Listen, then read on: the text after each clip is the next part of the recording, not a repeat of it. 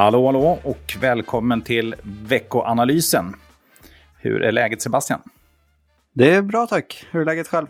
Jo, det är okej. Eh, Under omständigheterna, som man säger. Det är ju verkligen stökigt på marknaden. Det kan man lugnt säga. Eh, Faktiskt, är alltså, framförallt är det nyhetsstökigt. Börsen är ju till och med lite upp nu. Det kan man inte tro med tanke på allt som har hänt sista tiden. Men eh, eh, det känns som stökigt i alla fall. Ja, Eh, det är Men mycket upp och mycket ner. Och, ja, Definitivt. Eh, högvolatila marknader och eh, självklart ska vi fokusera väldigt mycket på dealen mellan UBS och Credit Suisse. Det som har dominerat nyheterna under helgen framförallt och under dagen också. Men eh, innan vi kommer in på det som kanske blir huvudtema för podden, eh, tillsammans med andra saker också, eh, kan vi kort bara kolla vad hände egentligen förra veckan? Ja eh, förra veckan var ju fullspäckad med inflationsdata. Eh, så vi fick bland annat ta del av eh, amerikanska inflationssiffror. Där i princip allting kom in i linje med förväntningarna. Mm. Månadsförändringen på kärninflationen var marginellt högre än vad man hade prognostiserat. Men allt annat var i linje med förväntningarna, Mm. vilket betyder att eh, inflationen i USA fortsätter att sakta in. Yes. Eh, de är nu nere på 6 procent. Och så Eh. långt sett eh, är det bra. Där, med det sagt så borde egentligen Fed-mötet som kommer den här veckan vara hur lugn som helst. Men jag tror vi återkommer till det, varför det kanske inte behöver vara så. Ja, absolut. Eh, och vi kan ta någonting annat som inte är bra först, nämligen de svenska inflationssiffrorna eh, Mm. som kom in i onsdags. Just det. Eh, där rör det sig snarare åt helt fel håll. Mm. Eh, vi kom in över förväntningarna på de flesta siffrorna eh, och den minst behagliga att se på eh, det är KPIF exklusive energi eh, månad över månad. Alltså månadsförändringen i priserna på 1,5 procent. Nej, inte Den inte är- bara minst behagligt utan också kanske tyvärr mest viktig. Eh, Ja, Så att, eh, det är ju det Och- som faktiskt visar vad det underliggande justerar för massa annat, hur det ser ut. Och det är ju, ja, som sagt, där är det ju som minst trevligt. eh, exakt. Och den eh, siffran är ju faktiskt helt gräslig. Det är u-landsstatus på Sverige när man ser sådana där siffror. Ja, det är mycket... Ja, det är många, många delar vi har inflation i, men det var ju framförallt media kanske fokuserade väldigt mycket på just matprisstatistiken också. Upp 20% på livsmedelspriser under ett år. Och det, ja, jag tror inte det finns någon som inte känner av det. Nej, Så är det. Så det, det tar verkligen som hårdast där alla märker. exakt. Ja. Så det blir ju intressant. Vad gör Riksbanken och så vidare? Ehm, vi har ju fått, egentligen av centralbanken så har vi ju fått ECB som levererade som förväntat. Ehm, vi har Fed den här veckan eh, och sen får vi ju se eh, hur Riksbanken agerar framöver. Men nog finns det räntehöjningar kvar att göra. Ja, Så eh, ECB höjde ju, precis som du nämnde, med 50 punkter förra veckan. Exakt. Och det trots redan oro egentligen inom bankerna då. Så, så Ja. valde man gå på det spåret och det är ju också mest rimligt. Ehm, och det är, självklart beror det på eventuella spridningseffekter som finns på realekonomi och huruvida det drar ner efterfrågan och så vidare. Men, men eh, givet den data man har så är det ju helt korrekt agerat kan man tycka. Absolut. Men jag tycker så här, innan vi går in på mer centralbanker och Fed och så vidare. Eh, vi har ju egentligen under flera veckor haft en eh, riktigt negativ utveckling för bankerna. Eh, det har ju eh, dels de amerikanska bankerna som, som har gått under redan. Eh, det är det vi har fokuserat på framförallt i förra veckans podd.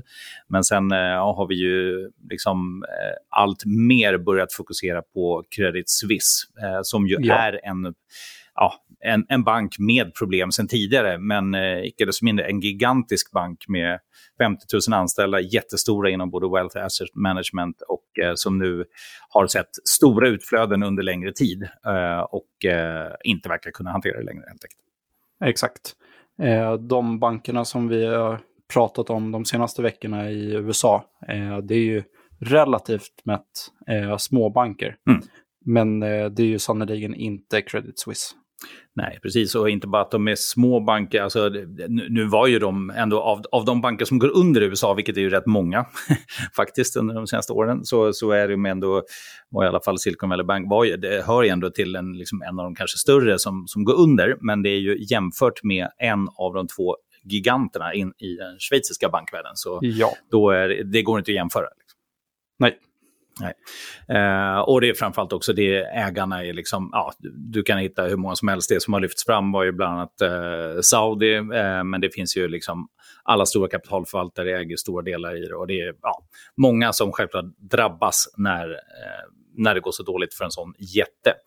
Men det man kan säga då att UBS kommer ju in till slut, det har ju ryktats om det tidigare, eh, och eh, det som sker då för Credit Suisse ägarna är ju att man får en UBS-aktie för var 22, eller om man har 22 Credit Suisse-aktier som man innehar då. Eh, och sen så är det då ett helt paket då i det här eh, när man tar över att eh, man får också stöd från schweiziska nationalbanken, från SNB och sen även eh, har ju då eh, Europeiska centralbanken också sagt att man, man tillför massa likviditet och så vidare för att verkligen, verkligen säkerställa att det inte blir som det blev för Credit Suisse, att eh, marknaden börjar tro att det går åt skogen, helt enkelt. Exakt. Uh, och det man skapar blir ju en riktig gigant. Liksom. det, ju, uh, det, finns naturligtvis olika sätt att räkna på det här. Min, inom wealth management och asset management-världen blir, så blir man ju bland de största i världen och är ju till viss del redan innan. Så att, uh, nu är det ju definitivt, alltså redan innan så var ju det här en, en av de 30 viktigaste systemkritiska bankerna globalt. Men det kan man ju lugnt säga att den här kombon då blir. Eh, Absolut. Eh, båda de här två bankerna var ju på den listan och nu slås de ihop det igen. Exakt. Så en riktig jätte. Eh, det enda vi inte har är ju en riktig nationalisering, utan det, det blir ändå eh, UBS eh, till slut. Då. Men det återstår ju självklart att se hur en sån integration sker. Då. Så, ja, eh, sen är det ju massa delar i det här självklart. Eh, det ena är ju att även om det är väldigt lite så får ju aktieägarna någonting. Men sen brukar det ju vara, alltså om man tittar på obligationsinnehavarna, där har det ju hänt en väldigt speciell sak och det är de här så kallade AT1-obligationerna. Och de blir ju då helt utan värde, de skrivs ner till noll. Ehm, och de här AT1, det var ju någonting som lanserades egentligen i samband med finanskrisen då för bankerna att utöka kapitalbasen. Och de här ska ju då i prioordning vid en sån här händelse normalt gå före aktier.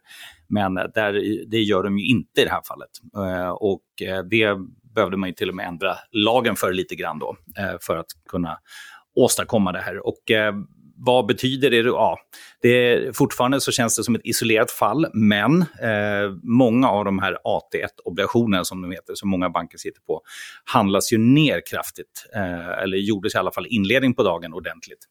Eh, och eh, skapar naturligtvis en oro för, för andra som äger sådana här, och bland annat svenska banker har ju en hel del i det också. Eh, så ja.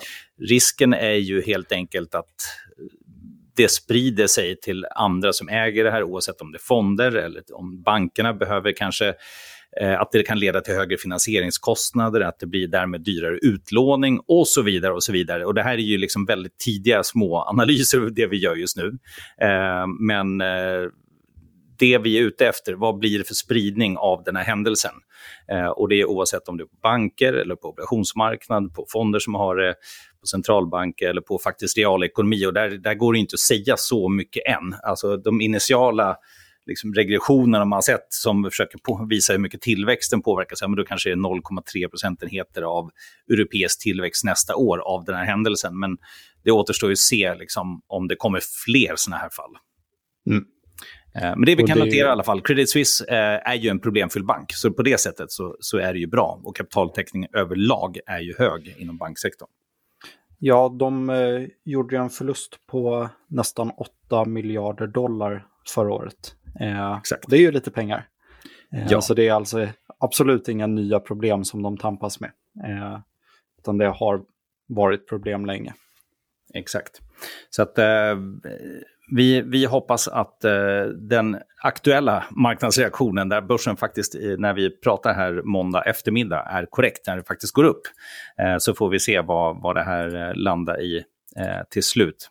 Så mycket fortfarande att eh, tänka på. Ja, men då har vi ju självklart andra grejer också den här veckan. Det är inte bara bank. Vad händer mer? Ja. Vi är Fed. Började vi prata om. Yes. Eh, Fed har ju möte eh, under tisdagen och onsdagen. Eh, och på onsdagskvällen svensk tid så släpper de ju ett nytt räntebesked. Eh, och de här räntebeskeden har ju varit väldigt aktuella eh, under hela det senaste året i och med inflationsbekämpningen och så vidare. Men det här kan nog vara en av de mer spännande eh, just på grund av allt som har hänt med bankerna. Eh, så man har sett marknaden helt ändra tro på hur Fed kommer att agera framöver. Mm. Eh, för ungefär två veckor sedan eh, då prissatte marknaden att man skulle nästan upp till 6% styrränta i USA. Eh, och nu så är det tveksamt om det ens blir någon mer höjning.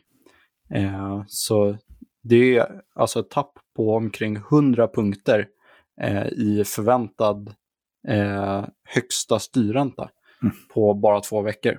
Det är enormt. Verkligen. Ja, det, och frågan är ju vad, vad är det förväntat, liksom, alltså inte bara just, just nu till det här mötet, utan har det ändrats någonting också på lite längre sikt?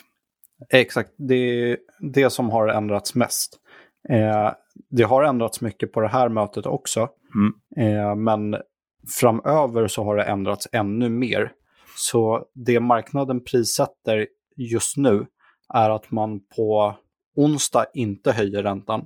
Mm. Att man sen höjer med 25 punkter i maj och att man sen sänker i juni. Mm.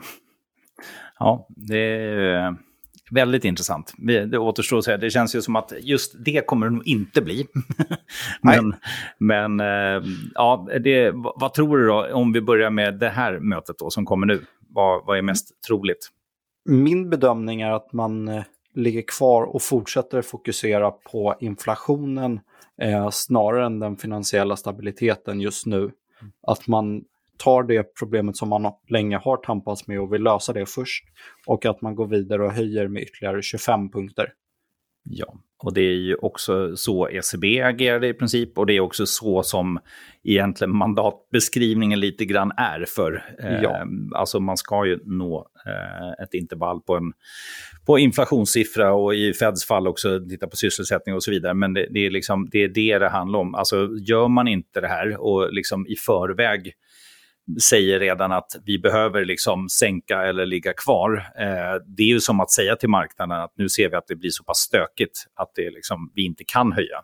Och det i sin tur skapar nog snarare mer oro. Så därför är det ju bättre att gå på den data man faktiskt har och sen så skulle det liksom ba, vara för åtstramande så, så hanterar man det så efteråt. Det, det tror jag är helt korrekt. Så 25 punkter siktar vi på i alla fall yes. den här veckan.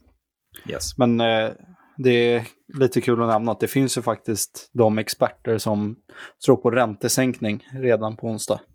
Så den är verkligen värd att hålla utkik på. Ja, ja verkligen.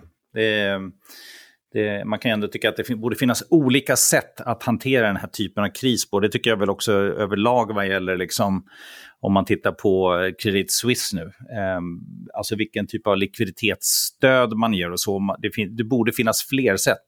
Till exempel att faktiskt rakt av bara höja insättningsgarantin så folk inte flyttar bort sina, sina pengar. Eh, för det är ju det som har hänt. Eh, mm. sen är det ju liksom, ja, det är väl en strukturell trend också att bankerna har ju så fort en räntekurva inverterar så, så försöker man liksom inte riktigt haka på på, eh, på inlåningen i ränta och liksom försöker liksom snarare squeeza upp marginalen där. Och det, liksom, det brukar straffa sig och så blir det inflöden istället till, till korträntefonder och annat. Men eh, ja, det är en ja. annan story. Så jag kan bara tycka att man, det, det, borde finnas fler verktyg helt enkelt för att uh, hantera det också. Men jag tycker inte det är rätt sätt att att eh, minska på räntehöjningar just nu. Nej, man har ju också visat de senaste veckorna att man har verktyg. Eh, men det gäller ju att eh, händelserna är någorlunda isolerade så man inte måste ta hand om hela bankmarknaden. Eh, för då kommer ju inte de, de typen av verktyg man har tagit till nu fungera längre. Nej, så är det. Helt korrekt.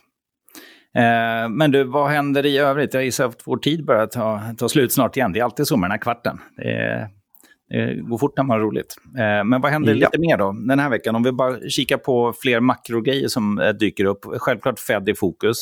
Eh, vi har räntebesked från Bank of England också på torsdag. Fed är på onsdag, va? Och vad, vad, har vi mer? Är det någon annan viktig data som kommer? Jag tänker preliminära inköpschefssiffror kommer till exempel. Det är ju intressant även om ni inte fångar in den senaste händelsen självklart. Ja, eh, det kommer ju en del lite gott och blandat. Det kommer eh, bland annat SEV-index eh, som är ett tyskt sentimentsindex. Eh, det kommer statistik på försäljning av befintliga bostäder i USA. Just det. Eh, ja. Eh, och som du nämnde, preliminära inköpschefsindex. Exakt. och vi börjar även få lite rapporter för eh, Q1 2023. Eh, även om det är för de som har brutet räkenskapsår. Yes. Eh, så får vi bland annat in rapporter från, eh, vad hade vi? Nike, vi har Accenture, General Mills eh, som börjar komma med mm. rapporter.